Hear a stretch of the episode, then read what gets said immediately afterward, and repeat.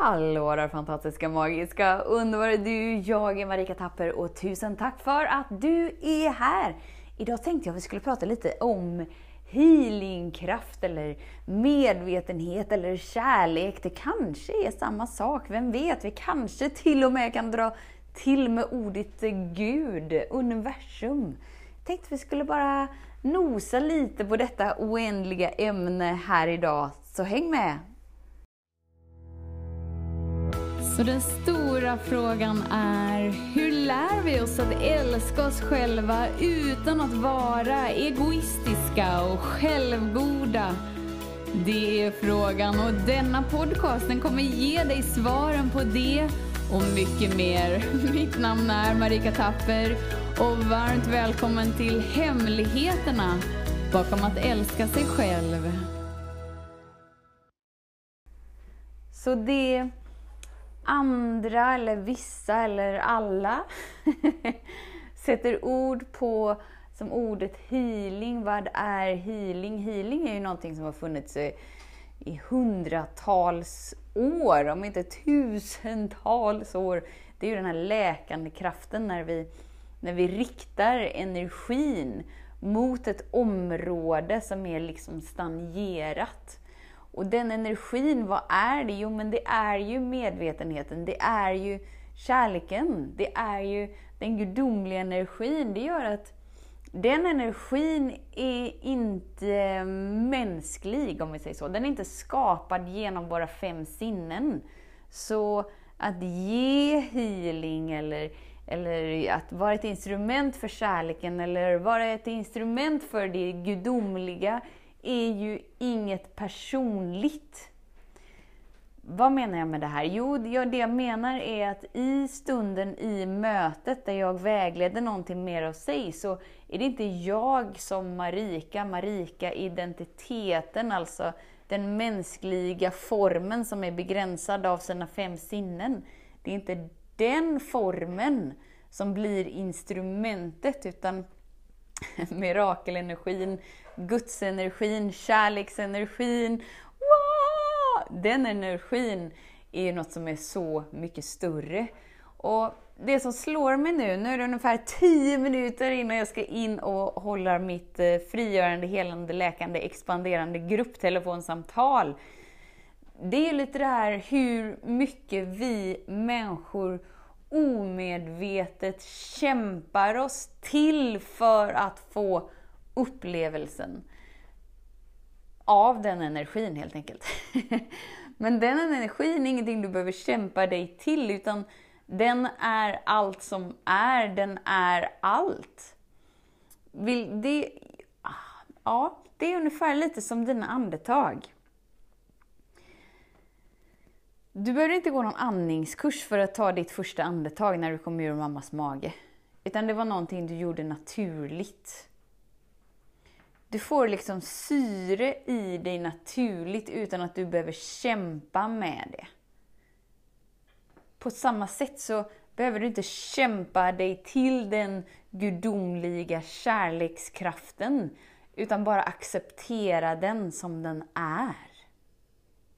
Och när du kan acceptera den som den är så faller du in i den. Och när du faller in i den slappnar du av igenom den. Och låter den energin skapa fritt igenom dig. Så att du blir en kanal, du blir ett instrument, du blir ett verktyg för energin som skapade dig och som skapar allt.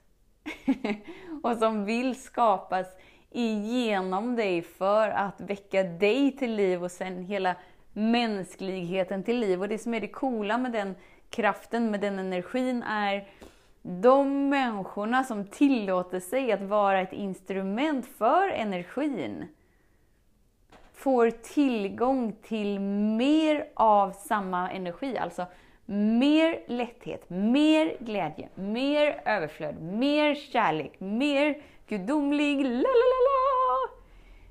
Varför? Jo, för det som är inom dig multipliceras ju hela tiden genom din upplevelse med dig och andra.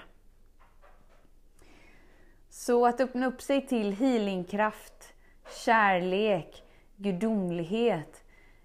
Det är egentligen inte något som är sådär superdunder, wow, mega, ah, supersvårt.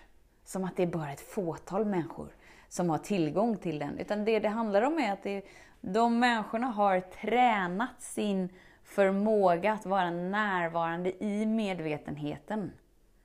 Och den förmågan har du att träna upp också. Så det du tränar på blir du bättre på. Om du vill bli bättre på att uppleva kärleken inom dig, om du vill bli bättre på att uppleva flödet inom dig, glädjen, lätthet, då bör ditt fokus ligga på att lära dig det. Men ofta så säger vi att vi vill uppleva det och sen så lägger vi vårt fokus på att klaga, hitta fel, hitta vad som inte fungerar. Vi bara vibrerar i låga energier. För att vi har tappat tron. Tron på oss själva, tron på livet, tron på kärleken. Och vet du vad? Det är helt okej. Okay. Men du kan när som helst plocka upp den igen. För att komma ihåg vem du är, kliva in i den du är och uppleva allt som finns tillgängligt för dig i denna stund. Nu ska jag in i mitt supermysiga samtal. Så det här blir lite kortare avsnitt, men jag har ju några plusminuter i, i andra avsnitt. Tanken är ju att de ska vara runt 10 minuter för att ge dig en härlig start, för att ge dig en härlig upplevelse, för att påminna dig om den du verkligen är. Så ge dig själv ett djupt, härligt andetag och våga säga ja till dig idag genom att våga säga ja till livet. Tills vi hörs igen, var snäll mot dig. Vet att jag ser dig, jag hör dig, jag älskar dig. Ha det gott och var snäll mot dig. Hej då! Om du gillade den här podcasten, klicka på att prenumerera för att inte missa något avsnitt och dela den gärna med fler. Glöm inte heller att följa mig på Instagram, Facebook, Youtube och lämna gärna en kommentar. Jag älskar att läsa vad som händer i just ditt liv, för kom ihåg, livet förändras när du lär dig att älska dig själv.